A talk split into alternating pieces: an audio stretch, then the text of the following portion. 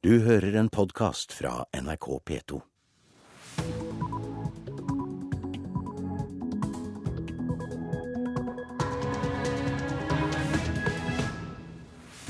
Velkommen til Nyhetsmorgen. Klokka er 6.30. Programleder i dag er Anne Gjertlund Hansen, og dette er hovedsaker den neste halvtimen. Fylkeslagene i Fremskrittspartiet slår ring om Per Sandberg. Over halvparten mener at han bør fortsette som nestleder i partiet. Ja, per Sandberg representerer på mange måter sjela i Fremskrittspartiet. Sier Christian Tybring-Gjedde i Oslo Frp. Høyre vil gi mer makt til barnevernet, fordi partiet mener barnevernet ofte kommer for sent inn i bildet. Det utgjør en fare for eh, barna, og det utgjør eh, en risiko for at ikke deres rettssikkerhet blir ivaretatt. Sier Linda Hofstad Helleland. Og langrennsledelsen leter febrilsk etter gamle blodprøver for å motbevise anklager om doping, men skiskytterne har lagret dette siden 1997. Halvparten av fylkeslagene i Fremskrittspartiet støtter altså Per Sandberg som fortsatt nestleder i partiet. Det har vært mye støy rundt flere av Sandbergs utspill i mediene, og bak ham står to fremtredende partifeller klare til å overta vervene som nestledere i Frp. Ja, At det er kontroversiell, det er ikke bare eksternt, men det er også internt. Men sånn skal det være når du skal representere Fremskrittspartiet som, som første nestleder, som har ansvaret for politikken og skape debatt. Frykter du at du er utsatt? Frykter ingenting, jeg. Sentrale krefter i Frp har lenge murret over Sandbergs mange impulsive og tidvis svært friske medieutspill, og ment at han er klar for utskiftning. Men Sandberg står sterkt i fylkeslagene. NRK har ringt alle fylkeslagene i partiet. 10 av 19 er tydelige på at Sandberg fremdeles er ønsket som første nestleder, deriblant Oslo Frp. Ja, per Sandberg representerer på mange måter sjela i Fremskrittspartiet. Eh, han er fra grasrota, han snakker rett fra levra. Eh, det er viktig at Fremskrittspartiet har noen som han. Flere fylkeslag har spilt inn at de ønska Anders Anundsen og Ketil Solvik-Olsen som de to nye nestlederne i Frp. Hva vil være negativt med det, slik du ser det? Jeg tror det er uklokt for Frp, som et parti for folk flest, å få to akademikere, eller tre akademikere i ledelsen, og ikke få to akademikere på en gang, som vi ville fått nå. Vi må representere både velgerne våre, vi må reflektere og gjenspeile velgerne våre. Og Da er det viktig at vi får en som i dette tilfellet kan være blue collar worker, eller altså en arbeider. Og så har vi Ketil Solvik-Olsen, som er en, mer en intellektuell person. Og så har vi Siv Jensen, som også har høyere utdanning på toppen, men som binder folk sammen. Sier Christian Tybring-Gjedde i Oslo Frp. Også Frank Willy Juvik, leder i Sogn og Fjordane Frp, ønsker at Sandberg skal fortsette. Han snakke et språk som folk forstår, og veldig ofte så blir politikken litt avansert. og Der er Per Sandberg veldig flink til å forklare på en god måte hvordan tingene henger sammen. I dag leverer fylkeslagene sine innstillinger til FrPs valgkomité. Mens Sandberg er den soleklare favoritten til gjenvalg som første nestleder, er både Ketil Solvik-Olsen og Anders Anundsen to menn som er ønsket av flere fylkeslag. NRKs opptelling viser at Ketil Solvik-Olsen har langt større oppslutning enn Anundsen om å bli partiets andre nestleder. Det sa reporter Line Tomter. Høyre vil gi mer makt til barnevernet. Det kommer frem i programkomiteens forslag til nytt partiprogram. Årsaken er at barnevernet ofte kommer for sent inn i bildet, sier stortingsrepresentant Linda Hofstad Helleland. I altfor mange saker så ser vi at barnevernet er for sent inn, eller at de, de ikke griper inn. Det utgjør en fare for barna, og det utgjør en risiko for at ikke deres rettssikkerhet blir ivaretatt. Helleland understreker at Høyre ikke ønsker flere tilfeller der barn blir tatt bort fra foreldrene. I stedet ønsker de å gi barnevernet større mulighet til tidligere å gå inn og hjelpe familier som sliter. Vi snakker om saker der mor eller far ruser seg, har andre problemer som de kanskje ikke helt forstår sjøl, og som gjør dem til ikke så gode omsorgsforeldre. Og Da snakker vi her om tiltak som veiledning, barnehageplass, leksehjelpsordninger, SFO-ordninger. Selv om da foreldrene nekter det, så ønsker vi å gi barnevernet en mulighet til å tilby ungene det likevel. For her er det viktigste ungene, og ingen andre enn ungene. Barnevernleder i bydel Gamle Oslo, Gunnar Hådem, er positiv til forslagene. I dag er det sånn at barnevernet ofte må vente til forholdene blir så alvorlige at de må gripe inn og overta omsorgen, som ved gjentatt rus og vold. Da er det bedre med aktiv veiledning i hjemmet på et tidligere tidspunkt, sier han. Enten at det er saksbehandler som veileder, eller vi leier inn familieterapeuter eller andre, og kjøper tiltak også gjennom på sånn anbudsrunde i forhold til at de skal følge hjemmet gjennom en tidsperiode for å lære å være til stede i de situasjoner som er vanskelig for foreldrene. Det kan gå på evne det å ivareta og yte god nok omsorg. Så kan det være også situasjoner i forhold til det å sette grenser for barn, som også er en viktig foreldrefunksjon. da. I tillegg til økt mulighet for inngrep kommer programkomiteen i Høyre med en rekke andre forslag når det gjelder organiseringen av barnevernet. Helleland er forberedt på at ikke alle på landsmøtet vil være enig. Jeg forventer meg stor diskusjon på Høyre sitt landsmøte, men det ser jeg fram til. Eh, og For meg er det viktig at eh, vi eh, tar en debatt om hvordan vi bedre kan ivareta ungers rettssikkerhet og hjelpe unger som trenger det mest. Og så er jeg sikker på at det blir en god debatt om det her på Høyres landsmøte. Reportere her var Arild Svalbjørg og Tom Ingebrigtsen. I dag starter regjeringen arbeidet med å få på plass en global klimaavtale i 2015. I Oslo inviterer miljøvernminister Bård Vegar Solhjell til klimakonferanse. Men det er en stor oppgave verdens politikere står overfor de neste to årene.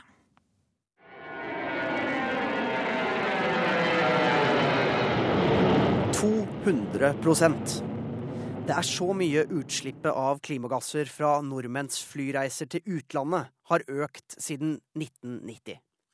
Men hvis kloden skal klare å unngå en klimakatastrofe, må utslippene slutte å ta av, både her i Norge og rundt om i en verden der stadig flere ønsker seg det gode liv, med feriereiser og egen bil. Og det er i bunn og grunn dette det handler om, når verdens ledere de neste to årene skal jobbe for å få til en bindende global klimaavtale frem mot FNs klimatoppmøte i Paris i 2015. Men i et lekket utkast til rapporten FNs klimapanel skal legge fram i september, og som skal utgjøre det vitenskapelige grunnlaget for en eventuell avtale, er det lite optimisme å spore. Ikke siden 1970-tallet har veksten i verdens klimagassutslipp vært større. Hvis ikke verden klarer å redusere sine utslipp innen en ny avtale trer i kraft når den forlengede Kyoto-protokollen løper ut i 2020, vil togradersmålet glippe. Dette kan utløse en selvforsterkende effekt med katastrofale følger, advarer forskerne. Men så langt ser det altså ikke ut til at alvoret har gått helt opp for vinterbleke nordmenn på jakt etter sommer og sol på sydligere breddegrader. Det var eh, reporter Stig Arild Pettersen som tok oss med på denne flyturen. Leder i Naturvernforbundet Lars Haltbrekken, velkommen til Nyhetsmorgen. Takk for det. Du skal delta på dagens klimakonferanse i regi av regjeringen. Hva slags rolle bør Norge ha i arbeidet med en ny klimaavtale? Det Norge kan gjøre, er at uh, Norge kan fylle rollen som det industrilandet som viser vei og vise at det går an å ha et godt liv, også med lave utslipp av eh, klimagasser. Der kan Norge spille en viktig rolle. For vi er helt avhengig av at rike land tar sin del av ansvaret for å få med oss de sterkt voksende utviklingslandene som eh, bl.a. Kina. For vi er også avhengig av at de reduserer utslipp. Men skal vi få dem til å forplikte seg, så er vi nødt til å gjøre hjemmeleksa vår først. Ja, hvordan skal vi gjøre det? Det som vi må gjøre, er jo å kutte utslippene fra veitrafikken. Vi er nødt til å kutte utslippene særlig fra oljeindustrien, som er den største forurenseren i Norge. Vi er nødt til å la mer av de olje- og gassressursene som finnes langs norskekysten, bli liggende i bakken. Det sier flere ledende klimaforskere også internasjonalt. Og da må vi i hvert fall la oljen i de mest sårbare områdene våre, langs Lofoten, utafor øh, kysten av Finnmark osv., bli øh, liggende. Du, eh, dagens regjering har sittet i snart åtte år. Hva syns du om det arbeidet som eh, så langt er gjort fra denne regjeringen internasjonalt? Norge har bidratt ganske stort internasjonalt. Vi bruker milliarder av kroner på å bevare regnskogen, som er et viktig klimatiltak, i tillegg til at det bevarer viktige naturområder. Og dette har gitt uh, store utslippskutt. Det er på hjemmebane at uh, vi har svikta, hvor vi ikke ikke har fått redusert utslippene sånn som vi også er nødt til å gjøre. Men internasjonalt har vi definitivt gjort en flott jobb, og der bør Norge uh, få med seg flere til å gjøre det samme i forhold til f.eks. For bevaring av regnskog. Hvorfor er det så vanskelig å få til ting her hjemme? Det har nok vært uh, at det er uh, noen upopulære tiltak her og nå, men som vi tror kan være populær på lengre sikt. For det handler bl.a. om å gi folk muligheten til å reise miljøvennlig i hverdagen. Det handler om at vi er nødt til uh, å begrense oljeindustrien, som i dag sitter med en ganske stor makt i Norge. Og det er jo uh, en stor utfordring uh, for, for, norske myndigheter. sånn at vi er nødt til å gjennomføre et rekke virkemidler. Men det som vi tror, er at vi kan gi folk valg som gjør at de mer eller mindre på autopilot i hverdagen kan ta de miljøriktige valgene nesten uten å tenke over det. Det kan jo bli litt sånn vidløftig for mange. Tror du at eh, vanlige folk egentlig føler nok ansvar for de valgene som vi selv tar, og hvordan vi lever? Dette er først og fremst et politisk ansvar. For det er uh, våre politikere som er nødt til å sørge for at bussen og trikken går, sånn at folk har uh, et alternativ til privatbilen. Og så er det også et politisk ansvar å gjøre noe med uh, oljeindustrien og de store utslippene derfra. Og det viktigste vi gjør der, er jo da å la mer av oljen ligge. Takk for at du kom til Nyhetsmorgen, Lars Haltbrekken, leder i Naturvernforbundet skal vi se på dagens aviser og se hva de har på forsidene sine i dag.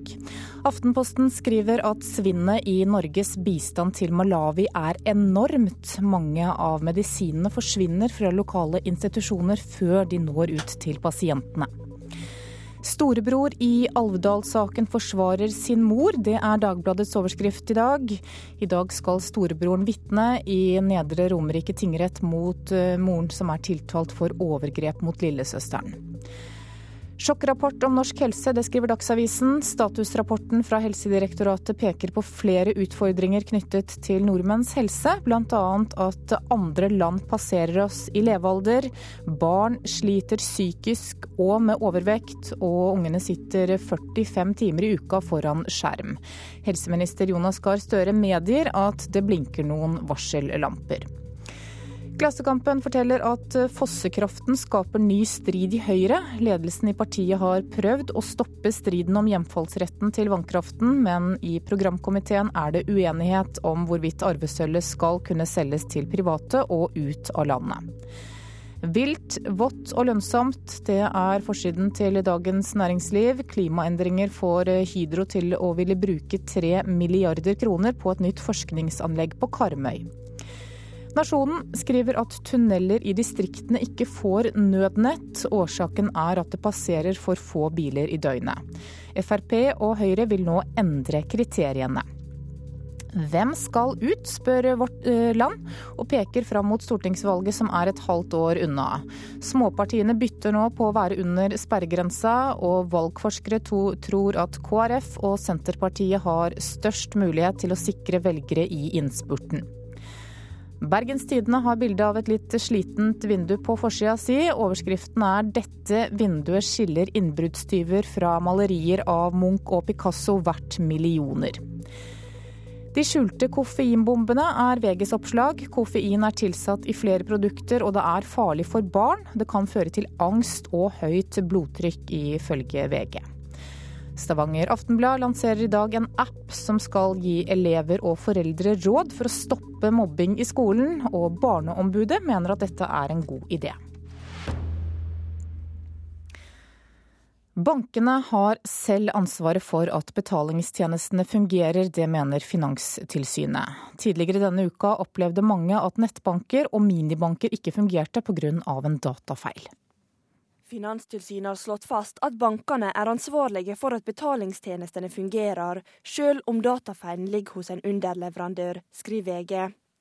Mandag kveld fungerte ikke nettbanker, minibanker og kortterminaler i store deler av landet. Årsaken var en datafeil hos IT-selskapet Evry. Seksjonssjef for Finanstilsynet, Frank Robert Berg, sier at bankene må være sikre på at leverandøren etterlever kravene som bankene er pålagt å følge. Banken kan sette ut oppgaver, men ikke ansvaret, sier Berg. Thomas Midteide, konserndirektør kommunikasjon i DNB, sier at så mange langvarige driftsbrudd ikke er akseptabelt. Reporter var Marte Halsør. Og norske banker kan komme til å droppe forholdet til IT-selskapet Evry, det skriver Finansavisen i dag. Sparebank1 er en av aktørene som sier til avisen at de nå må vurdere hva de skal gjøre med forholdet til Evry etter hendelsen denne uka. DNB skal forhandle en ny avtale for driftstjenester nå, og vurderer flere leverandører. Elever som bråker og mobber på skolebussen, kan bli utvist fra skolen eller få nedsatt ordenskarakter. Det sier kunnskapsminister Kristin Halvorsen til Vårt Land. Ifølge henne så må skolens ordensregler også gjelde på skolebussene. På den måten kan man gripe inn mot elever som plager andre på bussen, og som skaper farlige situasjoner i trafikken, ifølge Halvorsen. Du hører på Nyhetsmorgen i NRK P2 og Alltid nyheter. Klokka er 6.46. Dette er hovedsaker i nyhetene i dag. Fylkeslagene i Fremskrittspartiet slår ring om Per Sandberg. Over halvparten mener at han bør fortsette som nestleder.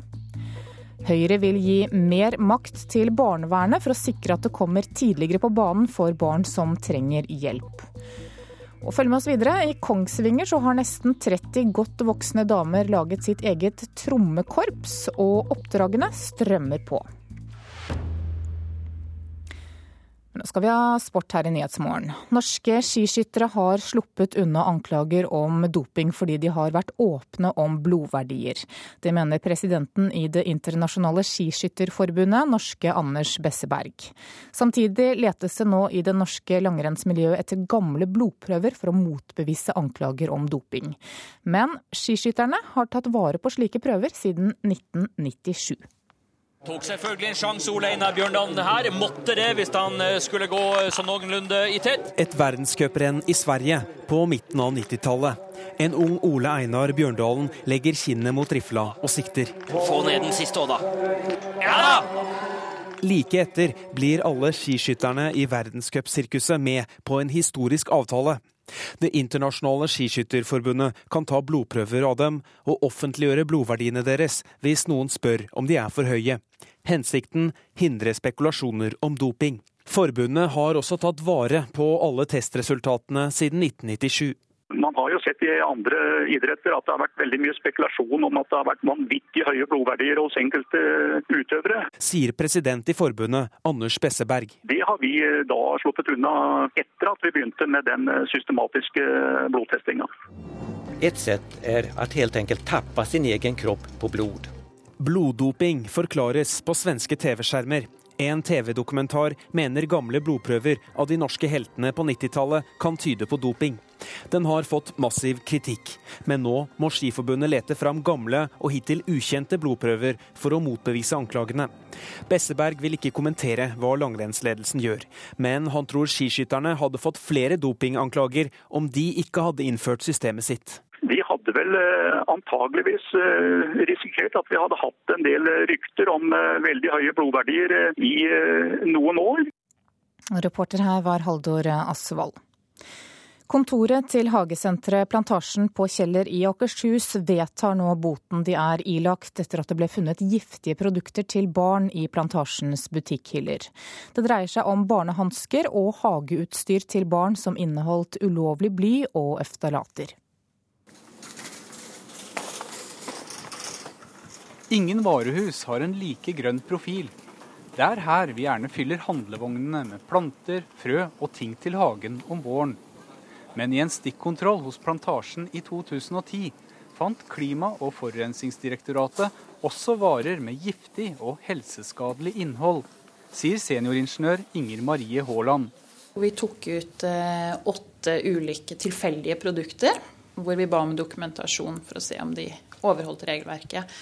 Og da fant vi at tre av de produktene var ulovlige. Det var eh, produkter, To av de var rettet mot barn, som er en spesielt sårbar gruppe. Hvor vi fant bly og eftalater. På et lekesett med hageredskaper til barn ble det funnet bly. mens det i hagehansker til barn ble funnet eftalater. Eftalater er en mykgjører som lett lekker ut av produktet. Det er ikke fast bundet eh, kjemisk. Eh, slik at når barn sutter på eh, Her var det et forkle f.eks. For får det i munnen, den plasten, så kan disse eftalatene komme inn i munnen på barnet. Bly er jo også giftig. Det er importørens jobb å passe på at varer som finner veien til norske butikkhyller, ikke inneholder ulovlige stoffer.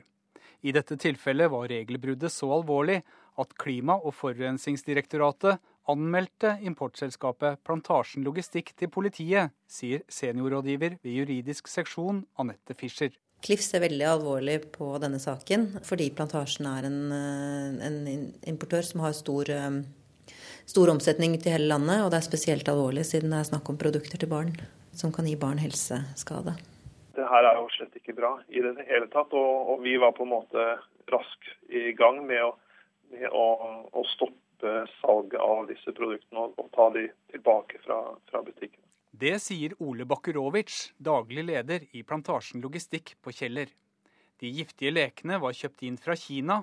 I etterkant har plantasjen ansatt egne folk i Asia for å overvåke produksjonsprosessen. Og følger dette her mye bedre opp nå enn tidligere. Så det du sier er at de produktbeskrivelsene som dere tidligere har fått av de dere kjøper av, ikke har vært gode nok, da? Helt rett. Nylig vedtok selskapet også en bot på 400 000 kroner fra Romerike politidistrikt og inndraging av omsetning på 500 000 kroner for salget av de forbudte produktene.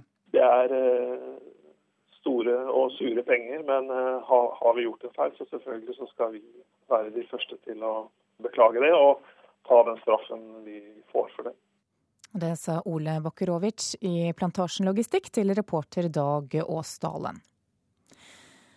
Kultursjefer i flere fylker vil at kulturskolene skal bli Kulturdepartementets ansvar. Kultursjef Randi Langøy-Hjelten i Hedmark mener dette vil bedre kvaliteten på kulturskolene. Og hun støtter forslaget om å flytte kulturskolen fra Kunnskapsdepartementet. Jeg syns det er et fornuftig forslag. Det er naturlig at dem som jobber med kultur, hører inn under Kulturdepartementet. Et kort budskap fra en med lang tittel. Randi Langehjelten er kultursjef i Hedmark og leder av arbeidsutvalget for fylkeskulturkollegiet. Det vil si at hun representerer dem som har ansvar for kultur i fylkene. I går samlet landets fylkeskultursjefer seg i Oslo for å diskutere hva de ønsker seg av regjeringen framover i det nye Kulturløftet. Vest-Agder, vi har Øst-Agder, vi har Randi som er sjefen for oss. For Anne Enger la mandag fram evalueringen av regjeringens satsing så langt. Kjære alle sammen. Det er med glede og en viss spenning jeg i dag skal legge fram Kulturutredningen 2014. Og konkluderte med at kulturskolene har vært blant taperne. For å få mer sving over undervisningen i musikk, dans og drama, mener Enger at Kulturdepartementet bør ta over ansvaret. Langehjelten sier de fleste fylkeskultursjefene mener det samme. Det er jo på en måte noe som har vært diskutert gjennom flere år, så jeg er veldig fornøyd med forslaget i utredninga på akkurat det. Kulturskolen er ikke et hovedfokus i Kunnskapsdepartementet. Det vil jo lett drukne i det at skole har ansvar for skole, og kulturskolen blir en liten del av det ansvaret de har. Kunnskapsdepartementet har satset på kulturskole i skolefritidsordningen, men ikke klart å kutte køene til selve kulturskolen. Nærmere 30 000 barn venter på plass. Jeg tror òg at viljen til å kutte ned på de køene er mye større i Kulturdepartementet enn det det er i Kunnskapsdepartementet. Det er noe med både forankring og kunnskap om kultur. Langøyhjelten har sett mange lokale eksempler på at det har hjulpet kulturskolen å flytte fra skoleavdelingen til kulturavdelingen i kommunene. Ja, for der har, der har vi med kultur for kultur, for å si det sånn. Kulturminister Hadia Tajik vil ikke si om det er hun som blir sittende med ansvaret for gitartimer og syngende barn. Jeg har registrert anbefalingen fra Enger-utvalget, og jeg syns at det er en spennende tanke. Men det er selvfølgelig ikke sånn at dette er noe kulturministeren bestemmer alene. Hvordan kan det styrke kulturskolen om den skulle bli ditt ansvarsområde? Ja, altså det er en hypotetisk problemstilling som Enger-utvalget har reist, som er oppe til diskusjon. Så ser jeg det ikke som naturlig å, å gjøre noen vurderinger av, av hvordan Kulturdepartementet eventuelt ville løst oppgavene annerledes. Og Kunnskapsdepartementet ønsker ikke å kommentere forslaget. Reporter her, det var Ida Kvittingen. I Kongsvinger så har 27 kvinner på pluss-minus 40 år gått sammen og laget et trommekorps for å skape mer lyd og liv i 17. mai-toget. Drum Ladies er allerede blitt så populære at oppdragene strømmer inn. Følg med! De lærer sluttet orden. Troppen! Rett! Nesten 30 damer i 40-årsalderen står oppstilt med trommer Rett. i et klasserom i Kongsvinger. Stikker opp! Drum ladies! Drum Ladies kaller de seg, dametrommekorpset som starta i august i fjor. Jeg har eh, barn som har sluttet å gå i tog, og så syns jeg 17. mai ble litt trist. Og så syns jeg 17. mai-toget i Kongsvinger kanskje ble litt eh, Ikke stusslig, men at det, er, eh, at det er lange partier uten musikk. Og så syns jeg denne byen fortjener et tog hvor man hører musikk hele veien i toget. Sier Vibeke Bergsjø Aas, som fikk ideen med å tromme sammen korpset. Det var bare å spørre folk Hei, har du lyst til å være med i trommekorps for damer. Og så sa de bare ja. Og så bare spredte ordet seg, og så plutselig var det så mange at de måtte si stopp. Stikker opp! Nå har 27 damer på 40 pluss minus blitt med i trommekorpset. Det går på to og fire. Stopp. To og fire. Og teller etter fire, og så er det pause på eneren, så går du på toeren. Ingen av damene har spilt trommer tidligere. Til å lære seg å bruke stikkene har de fått slagverker Øyvind Ros. Ingenting å si på arbeidsmiljøet her. Men jeg får ikke være med her, da, fordi jeg er gutt. Det er noe av det morsomste jeg har gjort på kjempelenge. Det å kunne gjøre noe du har veldig lyst til å gjøre. Gjøre noe bare som jeg driver med. Sier Anne Lene Øyseth. Men hva får nesten 30 godt voksne damer til å danne et trommekorps? Jeg tror at det, det er mange som har lyst til å prøve noe helt nytt, og så er dette helt originalt. Jeg tror at det går an å gjøre, lære seg ting eh, selv om man er over 40 år, som man aldri har gjort før. Det er moderne syklubb for oss som er for moderne til å være med i syklubb. Uansett hvor sliten man er når man skal på, etter jobb og skal på øving, så er det morsomt. Da har du nye krefter når du kommer hjem. Sier Aud Ingrid Olstad og Elin Heggelund Jonkvist. Jeg har jo spilt i korps før, men det er mange mange år siden. Og jeg har aldri spilt trommer, så det er helt nytt, men det går så dårlig. Damene slår på fem forskjellige typer trommer. Ja, det er skarptrommer, tamburtrommer, paradetrommene, og så er det stortrommer og lokk. Hovedmålet med trommekorpset er å skape mer liv i 17. mai-toget, men nå kommer stadig nye spilleoppdrag for Drum Ladies. Det var jo premieren. Nå er jeg jo så etterspurt, etter damene. så det er, eh, skal vi se, det var, eh, Du skulle på Ensligfestivalen der, så var det, var det noe herreklubb, så var det noe motorsykkelklubb Nei. Så det begynner å bli kjente, attraktive nå? Eh, jeg vet ikke folk syns at eh, Ja, det folk kan vel lure kanskje litt på hva dette er for noe. Og reporter i Kongsvinger, det var Stein S. Eide. Da skal vi se på et værvarsel som gjelder til midnatt. Langfjella kan vente seg østlig bris, liten kuling sør for Haukeli, opphold og perioder med sol. Fjellet i Sør-Norge unntatt Langfjella, skiftende bris. Først på dagen nordvestlig stiv kuling i nordøstlige områder. Etter hvert opphold og til dels pent vær. Østafjells nordøstlig bris, frisk bris på kysten, stiv kuling nær Lindesnes, opphold og perioder med sol. Vestlandet sør for Stad østlig frisk bris, ved Stad nordøstlig stiv kuling, noe skyet i sør, ellers for det meste pent vær. Møre og Romsdal nordøstlig frisk bris på kysten, fra i ettermiddag liten kuling. Først på dagen snøbyger i nord, ellers pent vær. Trøndelag på kysten minkende til nordlig liten kuling og enkelte snøbyger. Helgeland, Saltfjellet, Salten og Ofoten kan vente seg nordvestlig liten kuling i dag. Periodevis sterk kuling på kysten og snøbyger. Lofoten og Vesterålen nordlig periodevis sterk kuling, kan hende kortvarig liten storm. I kveld minkende til liten kuling og snøbyger. Troms og kyst- og fjordstrøkene i Vest-Finnmark nordøstlig bris. Perioder med stiv kuling på kysten. I ettermiddag dreiende nordlig og kan hende kortvarig liten storm på kysten av Sør-Troms, og ellers snøbyger. Finnmarksvidda nordlig frisk bris utsatte steder. Enkelte snøbyger i nord, ellers delvis skyet oppholdsvær. Øst-Finnmark nordøstlig liten kuling utsatte steder. På kysten periodevis sterk kuling første del av dagen og snøbyger. Og på Nordensjøland på Spitsbergen er det ventet østlig frisk bris i dag. Mulighet for enkelte snøbyger i vest, ellers delvis skyet oppholdsvær. Så kan vi ta med at i Nordland, Troms og kyststrøkene i Finnmark, så er det mm, I kyststrøkene i Nord-Norge så er det torsdag i dag fare for opptil liten storm av skiftende retning og kraftige snøbyger i forbindelse med polare lavtrykk. I ytre strøk av Troms ventes det lokalt stor snøskredfare. Du hører en podkast fra NRK P2.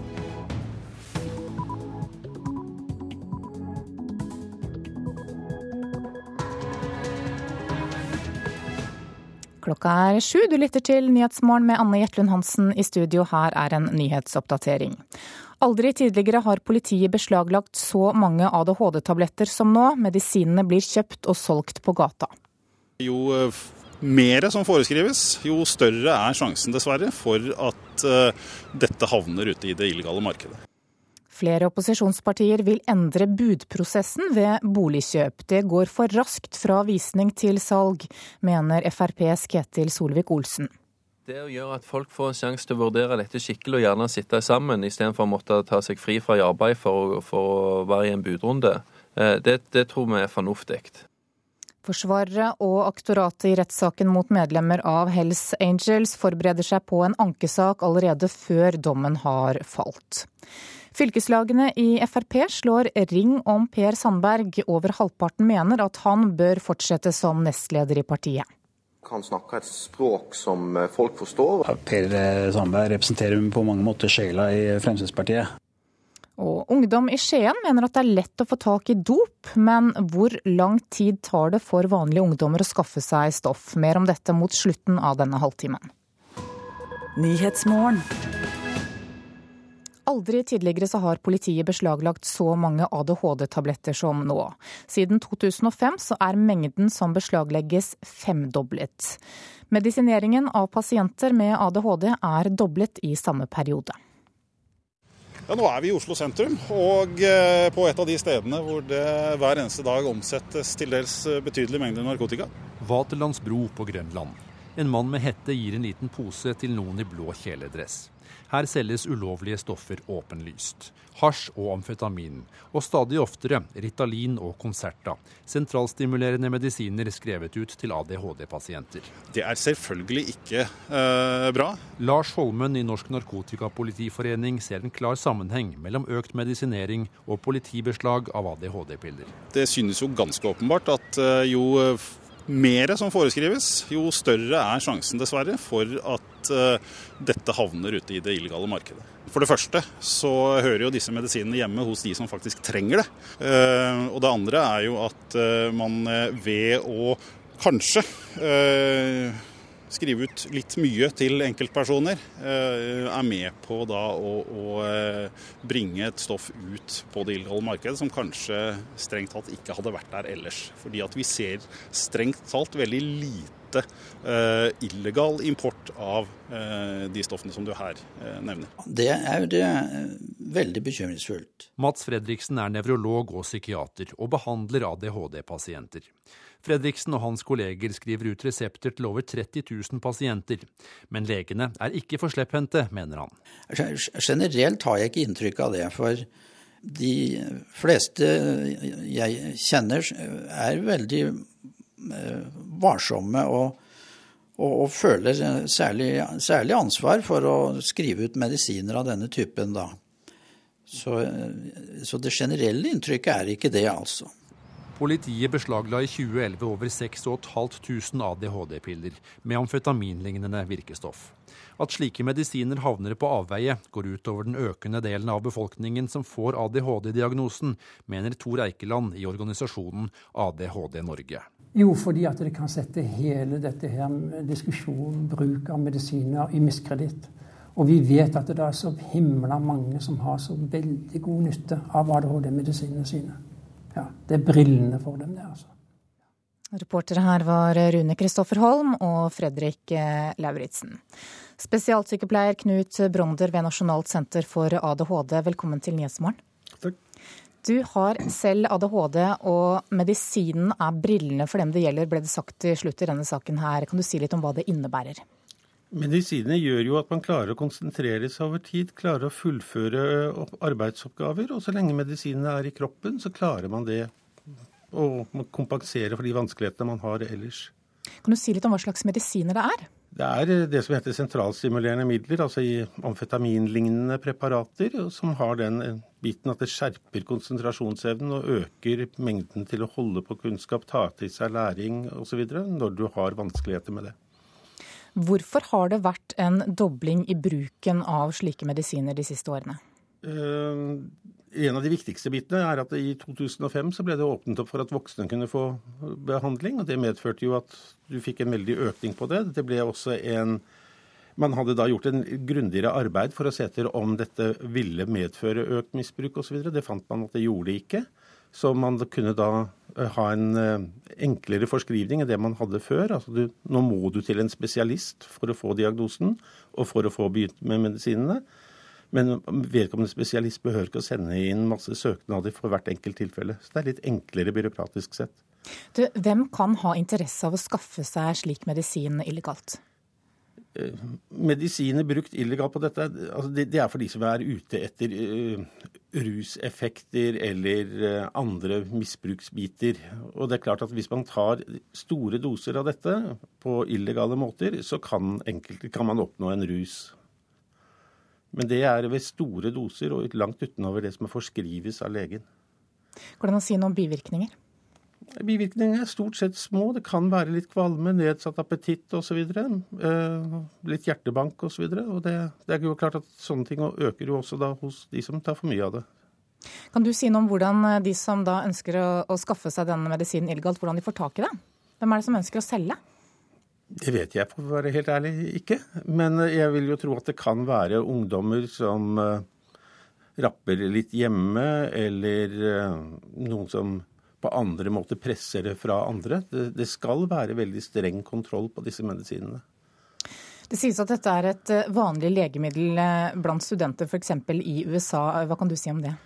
Ja, det, det, har vært en del publiseringer på det, og det har, det har, vært ved enkelte universiteter. Men da må man også huske på at i statene har de en helt annen forskrivningspraksis. Altså, her i Norge må du være spesialist for å skrive det ut, og det følges nøye opp. I statene kan alle leger skrive det ut. I Norge kreves det spesiell tillatelse. Så derfor er jo Fordelen med vårt norske helsesystem er jo at legene følger pasientene. Det er ikke den biten si, hvor legen trenger kunder, pasienter, for å ha en praksis. Her i Norge så går det mye enklere med vårt system. Takk for at du kom til Nyhetsmorgen, spesialsykepleier Knut Bronder ved Nasjonalt senter for ADHD. Flere opposisjonspartier på Stortinget vil ha endringer i budprosessen ved boligkjøp. I dag så har boligkjøperne bare timer på seg fra visning til budfristen utløper. DNB Eiendom Nakine da går det opp 50 000, ja. Så da er vi på 2150, og budet står til 12.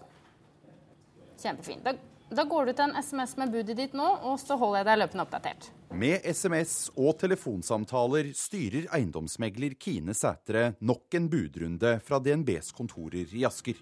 Og det går hett for seg. Det står mellom deg og en annen budgiver. Så hva tenker du? Slik reglene er i dag, kan en bolig være solgt klokka tolv, dagen etter en kveldsvisning. Det er altfor kort tid, mener KrFs Hans Olav Syversen. Det er rart at vi skal bruke mindre tid på huskjøp enn eh, å kjøpe et alminnelig klesplagg. Så det som kan bidra til å dempe den aller verste heten rundt eh, kjøp av bolig, det syns jeg er vel verdt å diskutere. KrF vil som Forbrukerrådet flytte budfristen til kveldstid. Da slipper boligkjøperne å ta et av livets største pengebeslutninger i lunsjpausen. Jeg syns det høres ut som et eh, godt forslag som vi absolutt bør vurdere. Sier Venstres Guri Melby. Ketil Solvik-Olsen i Fremskrittspartiet er langt på vei enig. Ja, det, det, å gjøre at folk får en sjanse til å vurdere dette skikkelig og gjerne sitte sammen istedenfor å måtte ta seg fri fra arbeid for, for å være i en budrunde, eh, det, det tror vi er fornuftig. Også Høyre vurderer å endre budprosessen. Michael Tetzschner mener vi kan lære av flere land der boligkjøperne stiller sterkere. Forbrukermyndighetene i andre land har jo faktisk advart litt mot det norske systemet som, som prisdrivende.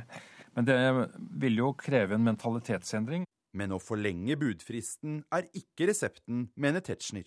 Og Finansdepartementet er fornøyd med dagens regler, som også har støtte fra mange eiendomsmeglere. Som Kine Sætre i Asker. Vi opplever jo faktisk at eh, mange prøver å kapre boligene før første visning. Eh, sånn at å sette nok en dag, så vil alltid eh, folk finne meg utenom, har jeg en følelse av. Like fullt, den korte budfristens mange motstandere lover å kjempe videre. Blant dem er KrFs parlamentariske leder. Ja, jeg er i hvert fall veldig åpen for å ta opp med finansministeren uh, hvordan uh, en utvidet budfrist kan være med på å, å dempe noe av den ekspressfarten vi ser i dag. Reporter her var Sindre Heierdal, fagdirektør Thomas Bartholsen i Forbrukerrådet. Velkommen til Nyhetsmorgen. Takk. De borgerlige partiene ønsker altså en lengre budfrist. Hva synes du om det? Jeg syns det er helt fantastisk eh, positive signaler fra KrF og Venstre og Frp. Eh, dette er virkelig bra. De tenker helt riktig, eh, og jeg syns de viser veldig kloke holdninger. Ja, hvem er det som kommer til å vinne på dette eventuelt? Er det kjøper eller selger? Det er, for det første så er det jo da budgiver som får rimelig tid til å undersøke den boligen som han eller hun kanskje skal by fire, fem, seks millioner på. Eh, men det er også slik at det kan være tilfeller der hvor selger går glipp av budgiver fordi fristen er så kort at eh, budgiver rekker ikke å områ seg og hopper av å by. Og, og dermed så kan eh, i mange tilfeller så har vi eksempler på at, at selger har gått glipp av kjøpere. Så dette er vinn-vinn for alle? Ja, det er egentlig vinn-vinn for alle. At at det blir tilstrekkelig tid til å vurdere den boligen du skal by på. Ja, hvor lang tid er det rimelig da at kjøper får i budprosessen, slik som du ser det? Forbrukerrådet foreslo da denne regelen kom at det burde være 48 timer eh, fra eh, siste visning eh, var annonsert og til akseptfristen skulle være forbudet. Men la oss si et, et, minimum burde være at man fikk én dag til undersøkelse etter eh, visningen. I dag har vi bare én natt. Ja, hvorfor er egentlig denne fristen så kort i dag? Eh, jeg tror at det har sammenheng med at eh, det er i eiendomsmeglernes interesse. Og eiendomsmeglerne har vært veldig opptatt av at den fristen bør være kort. Hvorfor det? Eh, jeg kan tenke meg at det har praktiske årsaker. Eh, at de syns det er veldig flott å kunne kvittere ut et salg allerede dagen etter visning. Eh, og gå, gå i gang med nye oppdrag. Eh, sånn at det er effektivt for eiendomsmeglerne. Men det syns jeg er et hensyn som ikke må veie sterkt nok. Det er hensynet til forbrukerne, til kjøper og til selger som må veie tyngst. Så hører vi at eh, en innvending mot å endre reglene er at budprosessen da kommer til å bli, eller kan bli da, kuppet ved at kjøperne tilbyr en pris direkte til selger. Hvordan ser du på det? Eh, det er et argument vi hører fra meglersiden ofte. Dette er i dag ikke et veldig stort problem. Eh, hvis det blir et stort problem, så er det mulig å endre avhendingsloven på det punktet. Men, men jeg tror at det problemet er overdimensjonert. Finansministeren har foreslått eh, skriftlige bud. Hva syns Forbrukerrådet om det? Vi syns er at Sigbjørn Johnsen gjør en veldig fin jobb. Eh, vi er veldig glad for det forslaget, eh, og vi stiller oss bak det. Med, med noen kommentarer, selvfølgelig, men vi er veldig glad for at boligkjøpere får trygghet for at budprosessen har foregått på en ordentlig måte. Takk for at du kom til Nyhetsmorgen, fagdirektør Thomas Bartholsen i Forbrukerrådet. Omreisende kriminelle utlendinger skaper problemer for innvandrere som bor fast i Norge. Det mener politimesteren i Oslo, Hans Sverre Sjøvold. Han sier at vi må bli flinkere til å skille mellom disse to gruppene. Det er viktig at ikke alt dette sauses sammen. NRK ser denne veka på fakta og myter i innvandringsdebatten. Vi må skille mellom de som er innvandrere og bor i Oslo, og de som kommer hit for å begå kriminalitet. Det siste er det problemet vi sliter med, og det er et betydelig problem. Ei undersøking viste at én av tre nordmenn mener innvandrere er ei kjelde til utrygghet her i landet. Og det er sant at innvandrere som er bosatt i Norge er noe mer overrepresenterte i kriminalitetsstatistikken men ikke i særlig stor grad. Kriminelle utlendinger som kommer hit for en kortere periode, derimot, er et stort problem, sier politimesteren. F.eks. vi har hatt mye fokus på, på vestafrikanere når det gjelder eh, narkotikaomsetning og innførsel. Hans Sverre Sjøvold mener slike omreisende kriminelle skaper vansker for landsmenn som bor her i landet. Mange av de syns sikkert det er ganske leit å bli identifisert med kriminelle landsmenn, for å si det sånn. Da. Det skjønner jeg godt. Reportere var Katrine Hammerstad og Håvard Grønli.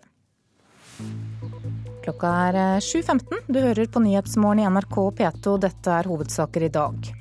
ADHD-medisin havner på gata. Det er en kraftig økning i både politibeslag og resepter som blir skrevet ut. Flere stortingspolitikere vil endre budprosessen med boligkjøp. De mener det går for raskt fra visning til salg. Og Høyre vil gi mer makt til barnevernet på bekostning av foreldrene. Både forsvarere og aktoratet i rettssaken mot flere medlemmer av motorsykkelklubben Hells Angels forbereder seg nå på en ankesak allerede før dommen har falt. I dag starter prosedyrene i Nord-Troms tingrett, men Hålogaland lagmannsrett har allerede satt av tid til høsten for ankesaken. Blant de åtte tiltalte er flere fullverdige medlemmer i Hells Angels, og flere forsvarere ser for seg en ny runde i retten.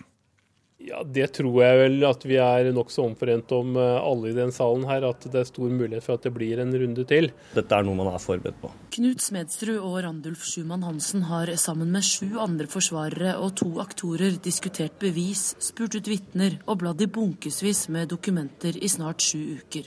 Og allerede før saken er helt ferdig, så forberedes det nå altså en ny runde. Saken har blitt omtalt som en av de største narkosakene i Nord-Norge noensinne. Politiet mener at de åtte utgjorde et organisert narkotikanettverk mellom Oslo og Tromsø, med to sentrale personer i Hells Angels som bakmenn. Nå har Hålogaland lagmannsrett allerede ryddet planen fra uke 41 til høsten. Og heller ikke aktor Hugo Henstein tviler på at de kommer til å ses igjen. De vil jeg på ingen måte utelukke. Vanskelig å si noe konkret om, men dette er en type sak som vil slippe inn hvis den ankes. Ja, hvorfor det? Det er pga. strafferamma. For regelen er at når en sak med strafferamme på over seks år ankes, så går den automatisk til lagmannsretten uten noen ekstra godkjenning. Og det er lite som tyder på at partene i denne saken vil gi seg på laveste domstolsnivå. Randulf Schumann Hansen sier det likevel er uvanlig at det forberedes så lang tid i forveien. Her er man nok ganske tidlig ute eh, i forhold til det.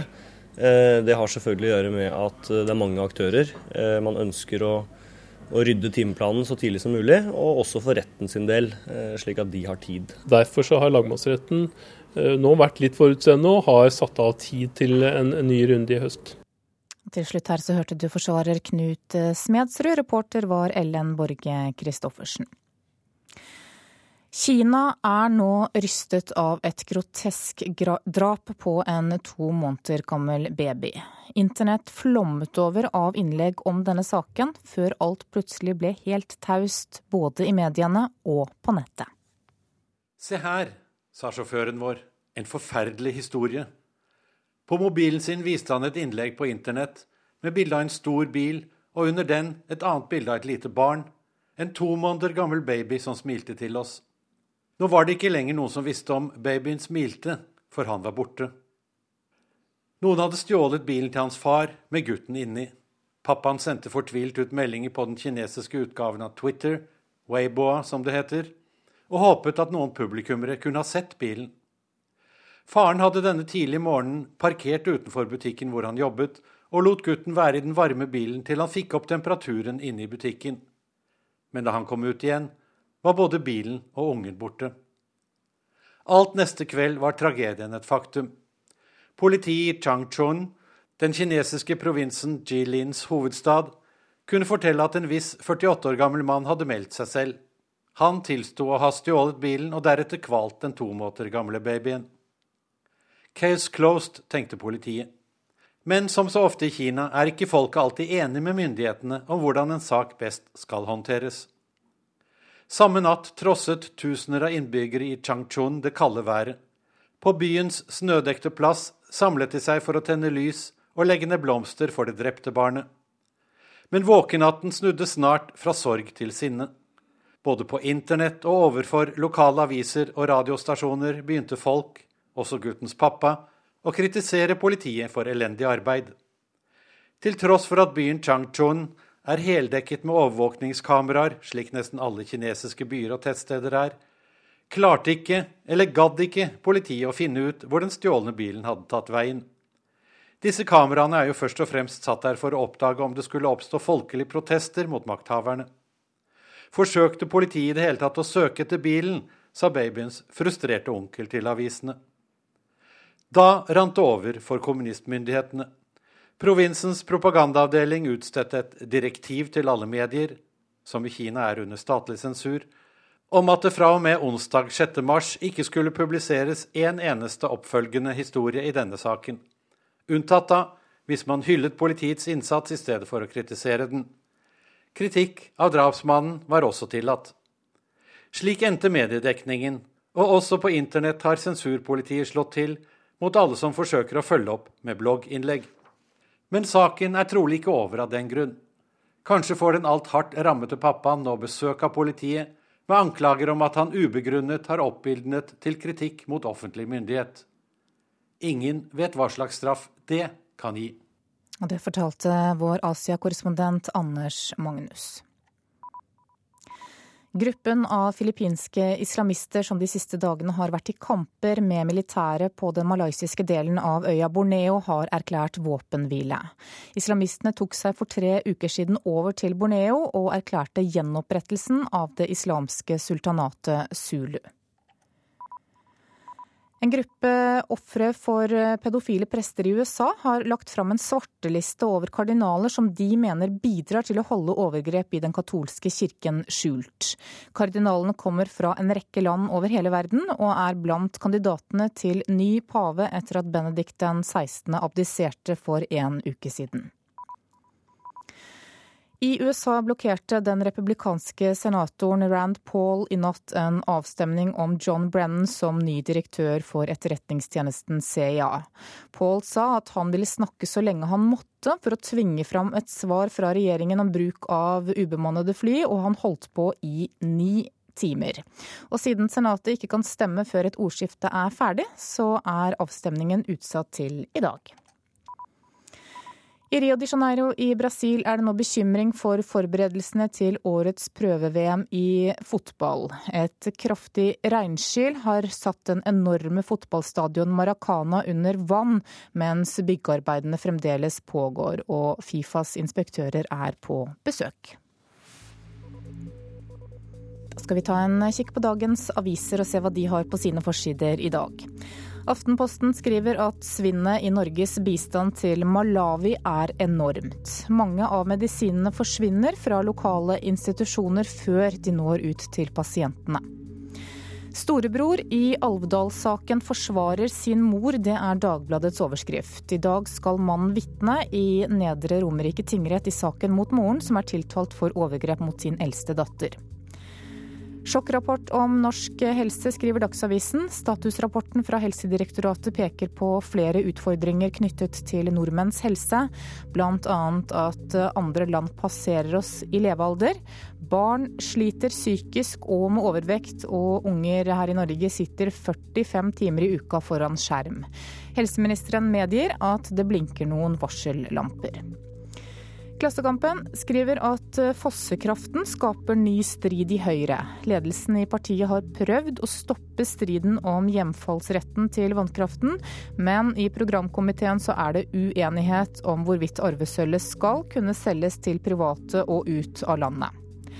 Vilt, vått og lønnsomt, det er overskriften på forsiden til Dagens Næringsliv. Klimaendringer får Hydro til å ville bruke tre milliarder kroner på et nytt forskningsanlegg på Karmøy. Nasjonen skriver at tunneler i distriktene ikke får nødnett. Årsaken er at det passerer for få biler i døgnet. Frp og Høyre vil nå gjøre noe med dette og endre kriteriene. Hvem skal ut, spør Vårt Land i dag, og peker fram mot stortingsvalget som er et halvt år unna. Småpartiene bytter på å være under sperregrensen, og valgforskere tror at KrF og Senterpartiet har størst mulighet til å sikre velgere i innspurten. Bergens Tidende har bilde av et litt slitent vindu på forsida si i dag. Overskriften er 'Dette vinduet skiller innbruddstyver fra malerier' av Munch og Picasso verdt millioner. De skjulte koffeinbombene er VGs overskrift. Koffein er tilsatt i flere produkter, og det er farlig for barn. Det kan føre til angst og høyt blodtrykk. Og Stavanger Aftenblad lanserer i dag en app som skal gi elever og foreldre råd for å stoppe mobbing i skolen. Barneombudet mener at dette er en veldig god idé. Ungdom i Skien i Telemark mener det er lett å få tak i narkotiske stoffer dersom de ønsker det. To menn og en kvinne i Grenland har mistet livet etter det som kan være overdoser av et nytt narkotisk stoff som ligner på GHB. Dødsfallene har skjedd i løpet av en drøy uke. Og mange mener at Skien og Porsgrunn er et område med stor tilgang på narkotika. Men hvor lang tid tar det egentlig for vanlige ungdommer å skaffe seg stoff? Det er jo ikke vanskelig å få tak i, liksom. Det er jo ingen sak. Kan du bare ringe noen, så har du det, liksom. Ja, hvem, hvem, ringer du? Nei, altså jeg ringer ikke noen, men eh, jeg kjenner jo folk som har solgt. Det gjør jeg. Jeg kan ikke si noe navn. Det kan jeg ikke. Men eh, jeg vet jo at det ikke er så vanskelig. En gjeng med ungdommer står utenfor Skien videregående i et friminutt. Få vil stå fram med navn, men alle svarer at det er lett for dem å skaffe seg narkotika. Hvis du drar på store fester, så er det alltid noen som har med seg dop. Men er, du må jo ta de rette valgene sjøl. Hun er ikke selv i rusmiljøet, men kjenner flere som har gått på en smell. Og hun kjente også en av ungdommene som døde av det såkalte dødsdopet som er i omløp i Grenland. Tre dødsfall og ti overdoser er knytta til bruk av stoffet som regnes som ekstremt farlig. Jeg har ikke, jo, jeg har blitt tilbudt én gang, det har jeg. Men uh, da sa jeg veldig fort nei, heldigvis. Det gjorde jeg. Men mine kompiser som var svake for det, de gikk på et smell. Men hadde du visst hvem du skulle spurt om du hadde ønska å skaffe deg dop? Ja, det hadde jeg. Ifølge politiet er ikke Grenland verre enn andre steder, men ifølge ungdommene er det uproblematisk om jeg vil skaffe narkotika på dagen. Det er lett å få tak i overalt, etter min mening. Det pleier jo å henge folk ned på ved Litorvet der, og se akkurat der nede. Han peker og viser vei, og jeg går videre. På kjøpesenteret Litorvet treffer jeg Jonny, Rolf og Håkon, som slapper av på en benk. De kjenner rusmiljøet godt. Piller og stoff og sånn. Det er bare å spørre en av oss, det. Jeg hadde aldri greid å skaffe det, for jeg, for jeg slutta helt. Innen en uh, halvtime så skulle det vært i orden, vel. Tenker jeg. Hva hadde jeg fått da? Akkurat det du, akkurat det du ber om. Det du vil ha. Men hvis vanlig ungdom hadde kommet og spurt etter eh, stoff? Ja, det hadde jeg sagt. Hold dere langt unna. Jeg har gått på det i 35 år, hadde jeg sagt. Du hadde hjulpet hvis du hadde vært over, over, 18 år, for da er du voksen. Hadde du det? Ja. Men ikke med hva som helst, men med tabletter hadde jeg hjulpet dem med. Eller hasj. Så hvis jeg spør deg, eh, kan du skaffe noe greier? Nei, du hadde ikke fått det. På grunn, av, på grunn av at du bruker ikke narkotika. Eh, eller jeg kunne ødelagt livet ditt. Jeg har ikke på å ødelegge livet ditt. Jeg selger jo ikke til en som ikke jeg vet har rusa seg mye fra før. Jeg selger jo ikke til noen som, som ser nøkter ut. Men det er ikke alle som tar slike hensyn. De vet at mange av langerne ikke bryr seg om hvem de selger dop til. Men det er veldig mange som er kyniske, så de driter i bare de får solgt det. De er lett å lure. Så de går helt ned på barneskolen? Barneskolen til og med. Men det er mest ungdomsskolen, da. Tilbake på Skien videregående får jeg ulike svar på hvor lang tid det vil ta å skaffe narkotika. Men alle jeg spurte, svarer at de antagelig kunne skaffa det. Spørsmålet er bare hvor nært er stoffet ungdommene? Det hadde vært kjemperett. Så hvis jeg skulle skaffa meg noe nå, hvor lang tid hadde det tatt? Tippa mellom 15 og 7 minutter. Kunne du fiksa noen som kunne fiksa det? Ja, det er fullt mulig. Jeg kjenner jo andre folk som har venner som selger, så det hadde ikke vært vanskelig for meg å få tak i noe hvis jeg absolutt måtte ha det. Det spørs jo hva du skal ha også, da. Eh, noen ting er vanskeligere enn andre å få tak i. Jeg sier at du ikke er så nøye på det, da. At du ikke er nøye på det. 15-20 minutter. Det er ikke langt unna. Reporter her, det var Solfrid Leirgul Øvrebø. Du hører på Nyhetsmorgen i NRK P2. Nå straks så får du Dagsnytt 7.30. Eh, og i Politisk kvarter etter det, klokka 7.45, så blir det debatt både om skolemat og om kjøp og salg av bolig. Produsent for Nyhetsmorgen i dag heter Marit Selmer Nedrelid, og her i studio Anne Jetlund Hansen. Du hører en podkast fra NRK P2. ADHD-medisin blir kjøpt og solgt på gata. Politiet inndrar flere tabletter enn noen gang. Stortingsopposisjonen vil gi bostadkjøperne mer tid i bårrundene. Og norske skiskyttere er åpne om blodverdiene sine. De får bli heller ikke skylda for juks, sier forbundspresident. Her er NRK Dagsnytt klokka 7.30. Samtidig med at ADHD-medisineringa i Norge skyter i været, øker også politibeslagene av ADHD-tabletter. Siden 2005 er mengda medisin som blir skrevet ut, mer enn dobla, og mengda som politiet tar hånd om, er femdobla. Ja, nå er vi i Oslo sentrum, og et av de stedene hvor det hver eneste dag omsettes til dels betydelige mengder narkotika. Vaterlandsbro på Grønland. En mann med hette gir en liten pose til noen i blå kjeledress. Her selges ulovlige stoffer åpenlyst. Hasj og amfetamin, og stadig oftere Ritalin og Concerta. Sentralstimulerende medisiner skrevet ut til ADHD-pasienter. Det er selvfølgelig ikke eh, bra. Lars Holmen i Norsk Narkotikapolitiforening ser en klar sammenheng mellom økt medisinering og politibeslag av ADHD-piller. Det synes jo ganske åpenbart at uh, jo mer som foreskrives, jo større er sjansen dessverre for at uh, dette havner ute i det illegale markedet. Det er det veldig bekymringsfullt. Mats Fredriksen er nevrolog og psykiater, og behandler ADHD-pasienter.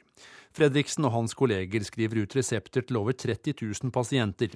Men legene er ikke for slepphendte, mener han. De fleste jeg kjenner er veldig varsomme og føler særlig ansvar for å skrive ut medisiner av denne typen, da. Politiet beslagla i 2011 over 6500 ADHD-piller med amfetaminlignende virkestoff. At slike medisiner havner på avveie, går ut over den økende delen av befolkningen som får ADHD-diagnosen, mener Tor Eikeland i organisasjonen ADHD Norge. Det kan sette hele dette her diskusjonen bruk av medisiner i miskreditt. Og vi vet at det er så himla mange som har så veldig god nytte av ADHD-medisinene sine. Reportere var Rune Kristoffer Holm og Fredrik Lauritzen. Høyre vil gi mer makt til barnevernet på kostnad av foreldre. Det skriver programkomiteen i framlegget til nytt partiprogram. Bakgrunnen er at barnevernet ofte kommer for seint inn, sier stortingsrepresentant Linda Hofstad Helleland. I altfor mange saker så ser vi at barnevernet er for sent inn, eller at de, ikke griper inn. Det utgjør en fare for eh, barna, og det utgjør eh, en risiko for at ikke deres rettssikkerhet blir ivaretatt. Helleland understreker at Høyre ikke ønsker flere tilfeller der barn blir tatt bort fra foreldrene. I stedet ønsker de å gi barnevernet større mulighet til tidligere å gå inn og hjelpe familier som sliter. Vi snakker om saker der eh, mor eller far eh, ruser seg, har andre problemer som de kanskje ikke helt forstår sjøl, som gjør dem til ikke så gode omsorgsforeldre. Og Da snakker vi her om tiltak som veiledning, eh, barnehageplass, eh, leksehjelpsordninger, SFO-ordninger. Selv om da foreldrene nekter det, så ønsker vi å gi barnevernet en mulighet til å tilby ungene det likevel. For her er det viktigste ungene, og ingen andre enn ungene. Barnevernleder i bydel Gamle Oslo, Gunnar Hådem, er positiv til forslagene. I dag er det sånn at barnevernet ofte må vente til forholdene blir så alvorlige at de må gripe inn og overta omsorgen, som ved gjentatt rus og vold. Da er det bedre med aktiv veiledning i hjemmet på et tidligere tidspunkt, sier han. Det kan gå på evne det å ivareta og yte god nok omsorg. Så kan det være også situasjoner i forhold til det å sette grenser for barn, som også er en viktig foreldrefunksjon. da. Reportere Arild Svalbjørg og Tom Ingebrigtsen. Flere opposisjonspartier på Stortinget vil endre reglene for kjøp av bostad. I dag har bostadkjøperne bare timer på seg fra visning til båfristen går ut. DNB Eiendom Nakine.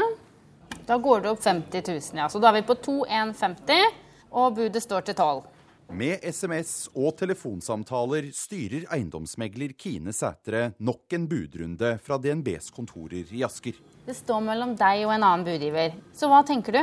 Slik reglene er i dag, kan en bolig være solgt klokka tolv dagen etter en kveldsvisning. Det er altfor kort tid, mener KrFs Hans Olav Syversen. Det er rart at vi skal bruke mindre tid på huskjøp enn eh, å kjøpe et alminnelig klesplagg. KrF, Venstre og Forbrukerrådet vil helst flytte budfristen til kveldstid. Ketil Solvik-Olsen i Fremskrittspartiet er langt på vei enig. Det å gjøre at folk får en sjanse til å vurdere dette skikkelig og gjerne sitte sammen, istedenfor å måtte ta seg fri fra arbeid for, for å være i en budrunde, det, det tror vi er fornuftig. Men Finansdepartementet er fornøyd med dagens regler, som også har støtte fra mange eiendomsmeglere. Like fullt, den korte budfristens mange motstandere lover å kjempe videre. Ja, jeg er i hvert fall veldig åpen for å ta opp med finansministeren uh, hvordan uh, en utvidet budfrist kan være med på å dempe noe av den ekspressfarten vi ser i dag. Reporter var Sindre Heierdal. Omreisende kriminelle utlendinger skaper problem for innvandrere som har bosatt seg fast i Norge. Det mener politimeisteren i Oslo, Hans Sverre Sjøvold, som sier at vi må bli flinkere til å skilje mellom de to gruppene. Det er viktig at ikke alt dette sauses sammen. NRK ser denne veka på fakta og myter i innvandringsdebatten. Vi må skille mellom de som er innvandrere og bor i Oslo, og de som kommer hit for å begå kriminalitet. Det siste er det problemet vi sliter med, og det er et betydelig problem. Ei undersøking viste at én av tre nordmenn mener innvandrere er ei kjelde til utrygghet her i landet. Og det er sant at innvandrere som er bosatt i Norge er noe mer overrepresenterte i kriminalitetsstatistikken. Men ikke i særlig stor grad. Kriminelle utlendinger som kommer hit for en kortere periode, derimot, er et stort problem, sier politimesteren. F.eks. vi har hatt mye fokus på, på vestafrikanere når det gjelder eh, narkotikaomsetning og innførsel.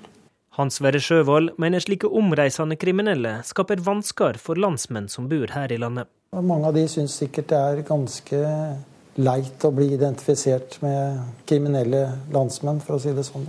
Det skjønner jeg godt. Reporterer Katrine Hammerstad og Håvard Grønli. Over halvparten av fylkeslagene i Fremskrittspartiet vil fremdeles ha Per Sandberg som nestleder. Ti av 19 fylkeslag er tydelige på at Sandberg er ønsket som første nestleder. Kristian Tybring-Gjedde i Oslo Frp mener at partiet må gjenspeile velgerne. Per Sandberg representerer på mange måter sjela i Fremskrittspartiet. Eh, han er fra grasrota, han snakker rett fra levra. Eh, det er viktig at Fremskrittspartiet har noen eh, som han. Og i dag så leverer fylkeslagene i Frp innspillene sine om hvem som bør være nestleder i partiet i neste periode. Ei gruppe offer for pedofile prester i USA har lagt fram ei liste over kardinaler som er mellom favorittene til å bli ny pave. De navngjevne kardinalene blir skylda for å verne om pedofile prester og komme med støytende utsegner. Kardinalene på svartelista er fra hele verden, og har bl.a. kritisert pressa for å overdrive problemer med misbruk i den katolske kyrkja. Norske skiskyttere blir ikke skylda for doping fordi de har vært åpne om blodverdiene sine. Det mener presidenten i Det internasjonale skiskytterforbundet, norske Anders Besseberg. Samtidig leter en nå etter gamle blodprøver i det norske langrennsmiljøet for å motbevise dopingskyldningene. Men skiskytterne har tatt vare på slike prøver siden 1997. Tok selvfølgelig en sjanse Ole Einar Bjørndalen her. Måtte det hvis han eh, skulle gå sånn noenlunde i tett. Et verdenscuprenn i Sverige på midten av 90-tallet. En ung Ole Einar Bjørndalen legger kinnet mot rifla og sikter. Få ned den siste òg, da. Ja da! Like etter blir alle skiskytterne i verdenscupsirkuset med på en historisk avtale. Det internasjonale skiskytterforbundet kan ta blodprøver av dem og offentliggjøre blodverdiene deres hvis noen spør om de er for høye. Hensikten hindre spekulasjoner om doping. Forbundet har også tatt vare på alle testresultatene siden 1997.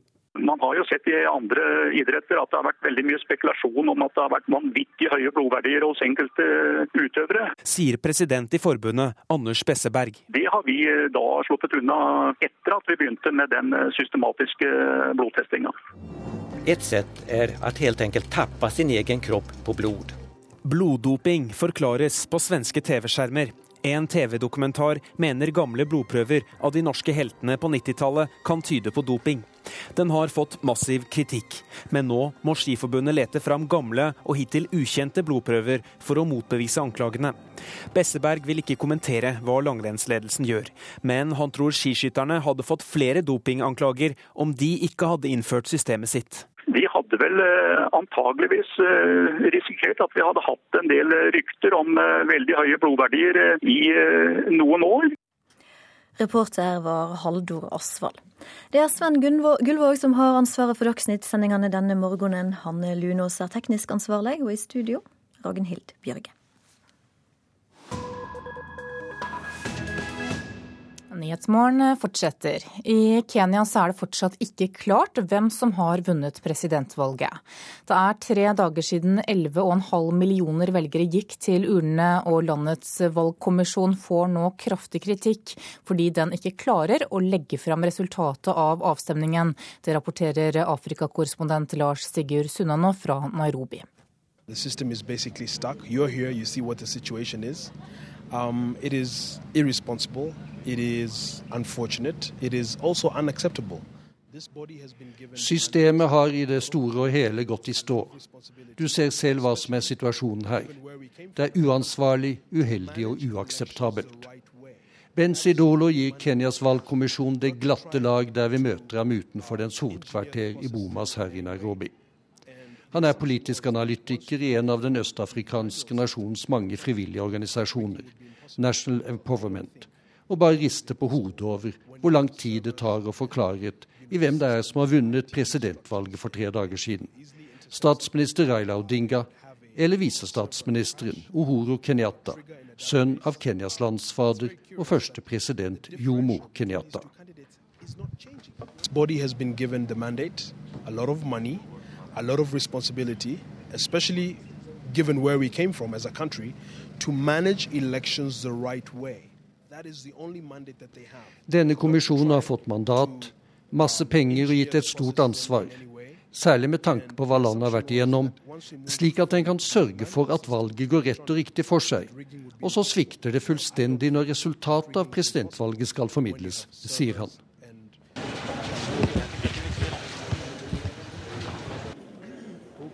For det gikk i stå da stemmene fra Kenyas 32 000 valglokaler skulle overføres elektronisk fra landets 290 valgkretser til kommisjonens hovedkvarter i Bomas. Dataprogrammet den hadde fått utviklet for formålet, knelte allerede morgenen etter at valglokalene var stengt mandag kveld. Da var bare 40% av resultatene kommet inn. Dermed måtte lederen av valgstyrene selv bringe de sertifiserte resultatoversiktene fra hver av de 290 kretsene til Nairobi. I går kveld var rundt halvparten av dem nådd frem. Resten er ventet til Bomas i løpet av denne torsdagen med oversiktene sine. Kenyas vel 40 millioner innbyggere kan dermed håpe på å få vite hvem som er blitt deres nye president i morgen. Om en skal tro valgkommisjonens hardt pressede sjef Ahmed Isak Hassan. So I would like to say early, early in the morning on Friday, we should be able to give to, to make the, uh, this exercise uh, arrive to a conclusion. However, if there are any problems, any delays så jeg vil si at tidlig fredag morgen bør vi være i stand til å gi dere konklusjon på denne prosessen, sa Hassan på en pressekonferanse i går kveld. Men han tilføyde at hvis det skulle dukke opp nye problemer av et eller annet slag, gir Kenyas valglov kommisjonen tiden helt frem til mandag med å kunngjøre resultatet av presidentvalget. Så lenge tror ikke Benzi Dolo at det vil vare. Kenyanere er tålmodige, men nå røyner det på i folkedypet. Everybody's calling and asking. We voted, we stood in line from 2 a.m. until the polls opened and until end of business on polling day. So where are the results? It's a legitimate question. Alle ringer og spør. Vi stemte, vi sto i kø fra to om natten til valglokalet åpnet og til langt utpå dagen. Så hvor er resultatene? Det er et legitimt spørsmål, og jeg tror ikke tålmodigheten varer så mye lenger, sier den politiske analytikeren. Det rapporterte vår Afrikakorrespondent Lars Sigurd Sunnanå fra Nairobi. Klokka er 7.44. Du hører på Nyhetsmorgen. Dette er hovedsaker i dag. Politiet beslaglegger mer ADHD-medisin enn noen gang. Høyre vil gi mer makt til barnevernet på bekostning av foreldrene. Og norske skiskyttere er åpne om blodverdiene sine. Derfor blir de heller ikke beskyldt for juks. Det sier presidenten i Det internasjonale skiskytterforbundet. Bør elevene få mat på skolen, og hvem skal betale? Og bør politikerne gjøre noe med hete budrunder? Det er klart for Politisk kvarter, programleder Bjørn Myklebust. Og hva har de to debattene til felles? Hvor går grensen for politikk, kanskje? Hvor skal politikerne gripe inn, og når skal marked og familie få holde på i fred?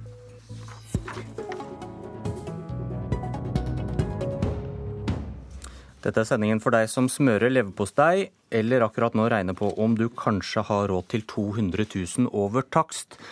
Helseminister Jonas Gahr Støre, vi begynner med leverposteien. Se, ser du skolen som et redskap i din kamp for bedre folkehelse? Ja, jeg gjør det. Eh, nå har jeg smurt leverpostei i dag, da, for å ta med det. Og jeg tror de fleste norske foreldre gjør det, og det er bra.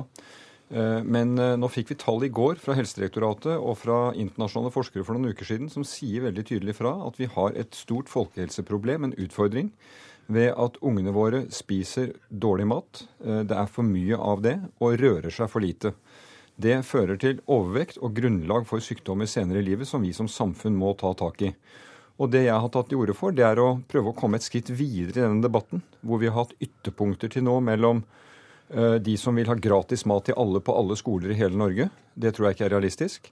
Til de som sier ingenting. Dette er foreldrenes ansvar 100% Det finnes mellomveier her som sikrer at skolen kan gi et tilbud, og som kan sikre at den én av tre, én av fire på ungdomsskolen ikke spiser mat, ordentlig mat i løpet av dagen, får det. Og dermed får de bedre læring. Elisabeth Aspaker, du sitter i utdanningskomiteen for Høyre. Politikkens grenser bommer Støre? Ja, Hvis man er opptatt av bedre læring, så må vi konsentrere oss om det som vi vet er aller viktigst i skolen. og Det er å skaffe nok lærere og nok kompetente, høyt kvalifiserte lærere. Og I denne saka er faktisk ikke Høyre i tvil om at vi må ha den arbeidsdelinga vi har hatt til nå. At politikerne må sørge for de nødvendige ressursene som skal til til å utdanne nok lærere og gi etter- og videreutdanning til de lærerne vi har i skolen i dag. Og så må vi ha en dialog og sørge for at foreldrene fortsatt kan være gode foreldre, smøre den rette matpakken med det rette innholdet. Men skolen kan selvfølgelig også bidra til både dialog med hjemmet eh, og det å sette ernæring på dagsordenen osv.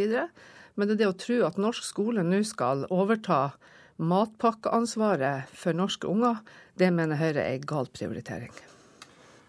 Det som overrasker meg fortsatt, er at eh, Høyre sier vi må velge mellom at skolen skal eh, at, at, eh, god læring handler bare om å satse på lærere og etterutdanning, noe denne regjeringen satser på for fullt. Og så får foreldre ta seg av resten. Jeg er enig i at hovedansvaret ligger på foreldrene. Men det, nå får vi også forskning på at læring er veldig avhengig av hvordan du spiser og hvordan du beveger deg. Og det er altså rundt om i landet i dag mange forsøk på skoler som tilbyr mat, og som tilbyr fysisk aktivitet, og de får bedre læring av det. Så jeg tror vi altså må ett skritt framover med å, å, stimulere til og støtte uh, avtaler på den enkelte skole som kan legge til rette for at det er et måltid, altså som kan legge til rette for at det er mer fysisk aktivitet. Det gir bedre læring, men jeg sier det først og fremst som helseminister, for jeg tror det er veldig urovekkende det vi ser nå, om hvor uh, galt uh, mange ungdom spiser i disse årene. Ser ikke du det, Aspaker? Du, du du registrerte vel også denne rapporten som kommer? Ja, jeg registrerer de rapportene som kommer. Hvis Støre hadde rett at denne regjeringa for fullt hadde satsa på etter- og videreutdanning av lærere, så kunne man kanskje vært enige om at det neste steget skulle være å innføre skolemat. Men poenget er at det skjer ikke. Den bevilgninga står på stedet hvil, og har stått det i syv år. Vi vet at køen av lærere som trenger etter- og videreutdanning, den er kjempelang. Og jeg syns på en måte Arbeiderpartiet nå må bestemme seg. Er det skolemat som er viktigst, eller er det lærerne som er viktigst? For for et par uker siden så, så hørte vi både statsministeren og Trond Giske og Helga Pedersen fortelle om hvor viktig lærerne var, og hvor viktig det nå var å satse på denne skolen. Og så kommer Gahr Støre nå og sier at nå er det skolemat som er viktigst. Men vi, vent litt, vi skal holde oss litt til skolematdebatten, for eh, denne debatten blusset litt opp i helgen, Støre, etter at du åpnet for at foreldre kan være med på å betale for et skolemåltid. og Kan du forklare hva du tenker om det? Ja, altså Dette er et forsøk på å si at vi, vi går et skritt videre fra debatten hvor det, er, hvor det er 100% nei fra Høyre, og så er det de som skal ha gratis til alle, som SV har ment. Jeg mener vi må kunne prøve ut ulike ordninger, og det skjer allerede i dag. Eh, det er ikke en del av skolens ansvar i dag å betale for mat til barna. og Det har ikke jeg fremmet forslag om at vi skal endre.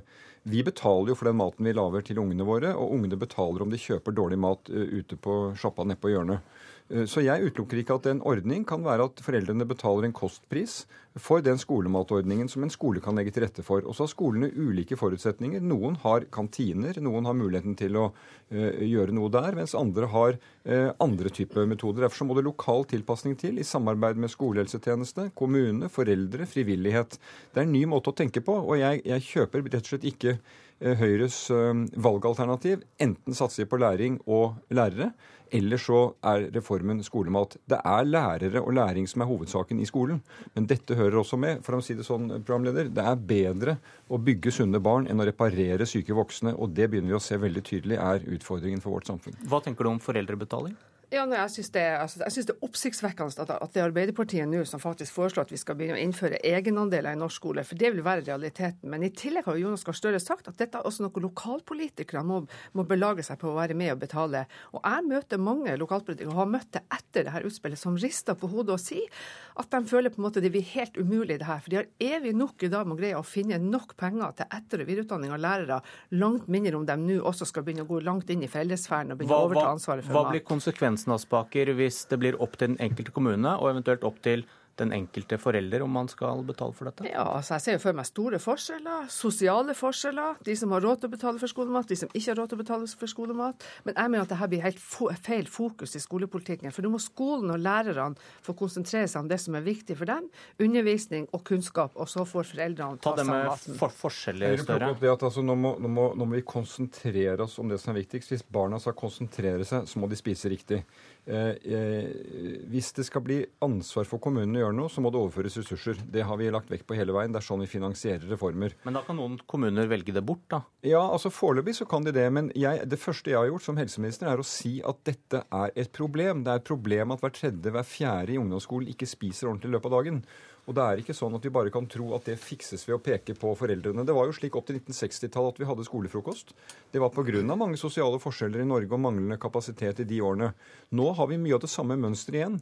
Og dette er jo for min, for min, del et tiltak for å bekjempe sosiale ulikheter i helse. For det er ikke tilfeldig de som ikke spiser.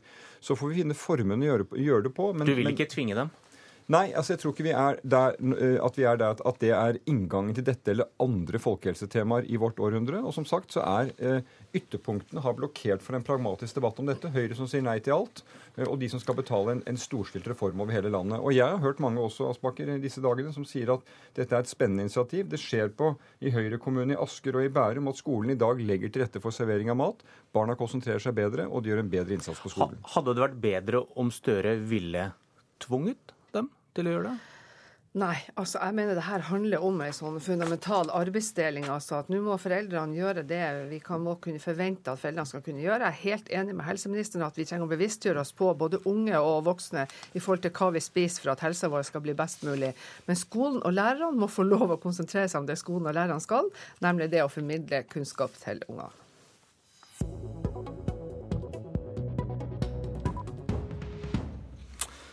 Politikkens grenser og bolig nå.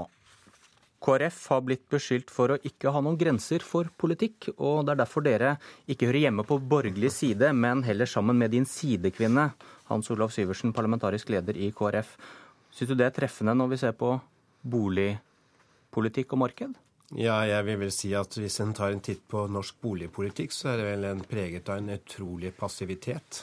Eh, vi har en boligpolitikk som av Arbeiderpartiet selv er definert som ute av kontroll. Så eh, hvis politikeren ikke skal engasjere seg i boligpolitikk, så syns jeg det ville være veldig oppsiktsvekkende. Du har i dag tatt til orde for å skyve på budfristen, som i dag er klokka tolv etter visning. Hvorfor det? Det vi ser, er at vi har fått eh, et veldig opphetet boligmarked. Vi ser at folk skal bestemme seg på kort, kort tid om de skal inngi bud i millionklassen. Og det blir en veldig ekspressfart rundt eh, boligomsetningen. Og hvis vi kunne tenke litt sammen om hva vi kan gjøre for i hvert fall bruke det virkemidlet til å dempe noe av det som skjer akkurat nå, så er i hvert fall vi åpne for å diskutere det. Jeg trenger ikke å komme med noen fasitløsning, men jeg syns jo det er leit hvis man liksom blokkerer muligheten for å diskutere hva vi i fellesskap kan gjøre for å bruke noen virkemidler for å dempe den verste ekspressfarten. Og det er kanskje det Arbeiderpartiet gjør. Marianne Martinsen, du sitter i finanskomiteen. Ja, det gjør jeg. Og, og, bare for å si det, det, innledningsvis, så har ikke jeg noen problemer med å forstå hvorfor Syversen kommer med dette forslaget. Fordi eh, For de aller aller fleste av oss så er bolig den største investeringen vi gjør i løpet av livet. Eh, vi gjør den kanskje bare et par ganger, eh, og det går fort. Eh, og det er klart at, at det, det, kan bidra til, til en oppheta situasjon. Eh, og så har vi gjort ganske mye på akkurat dette feltet de siste åra for å prøve å renske ut de mest useriøse delene av eiendomsmeglerbransjen, for at vi så veldig mye rart i den bransjen. Eh, blant annet så har vi satt nye krav til hva slags utdanning en eiendomsmegler skal ha. Det tror jeg var veldig viktig og nødvendig. Eh, vi har forbudt provisjons, altså provisjon som, som er progressiv.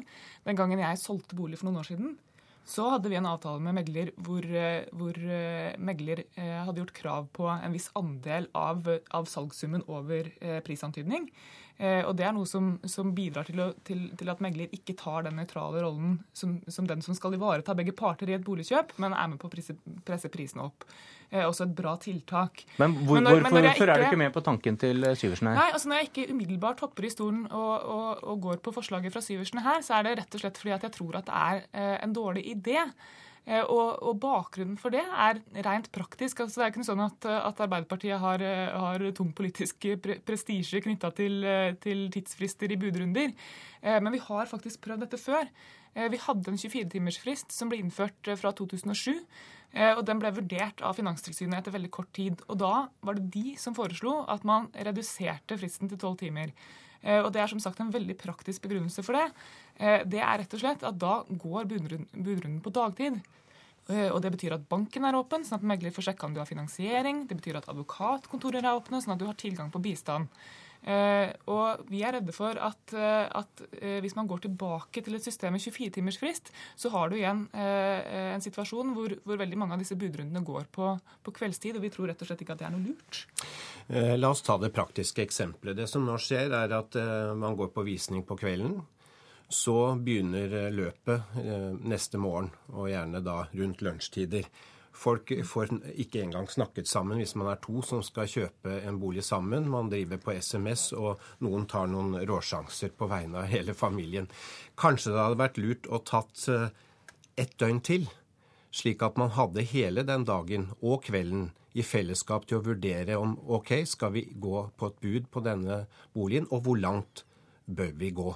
Istedenfor det som skjer nå, det er i hvert fall i de verste pressområdene, at her går det på minutter, og man høyner budet i 100 000-kronersklassen på 1, 2, 3. Ville ikke det samme skjedd om man hadde et døgn til, da? At det ville bare spisse seg til mot denne fristen? Bud, budene ville gå, men jeg tror i hvert fall man hadde hatt litt mer tid til å tenke seg igjennom hvor langt vil vi gå. Istedenfor nå så blir det veldig kort frist, og man presses i realiteten til kanskje for mange å gå lenger enn det man opprinnelig hadde tenkt. Eh, men eh, hvis, hvis, det er det som er problemet for Arbeiderpartiet, at eh, det skjer på kvelden, så kan vi godt snakke om å gjøre det på dagtid neste dag. Det, det er helt i orden for meg. Hva sier du til det forslaget, Martin? Ja, altså, Vi hadde jo et innslag på, på morgenen her eh, med et eksempel med en megler som satt med, med sin kunde på telefon. Eh, og jeg mener at Hun hadde et ganske viktig poeng. Hun sa at, eh, at dersom dette, dette, går over veldig mange dager, så, så, vil man fort få en situasjon hvor mange av disse avtalene gjøres utenom den prosessen som megler er en del av. Det ser vi allerede tendenser til. At, at kjøper og selger inngår en avtale eh, uten at megler er involvert. Eh, og Det mener vi heller ikke er heldig, for at megler er til stede i prosessen for å sikre at den har god kvalitet, og for at både kjøper og selger får ivaretatt sine, sine interesser. Eh, men vi har et forslag ute på høring nå som jeg mener er en god idé. Og det er at vi krever at alle bud skal legges inn skriftlig. For vi hørte på dette innslaget eh, hvordan, hvordan, man høyna med 50 000 over telefon mm. på kun kort tid. Og det at man i hvert fall krever at man må sette seg ned og skrive ned budet sitt og fysisk sende det inn, tror vi kan bidra til å dempe noe av det verste.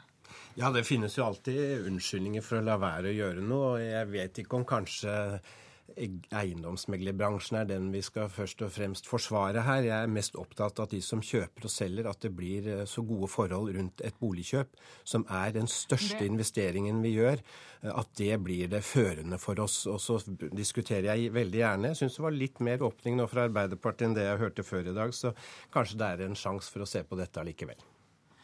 Men altså, Gode forhold rundt boligkjøp er vi helt enige om. Men jeg tror vi bare skal stappe fingeren i jorda og innse at, at problemet med det høye prispresset i særlig byområdene, det handler jo ikke om hvorvidt man legger inn bud på kvelden eller tolv timer tidligere på dagen. Nei, det, handler det, det handler jo om det Arbeiderpartiet selv ja. karakteriserer som en altfor passiv boligpolitikk. Ja. Flere boliger. Takk til deg, Hans Olav Syversen og Marianne Martinsen. Politisk kvarter er slutt. Du har hørt en podkast fra NRK P2.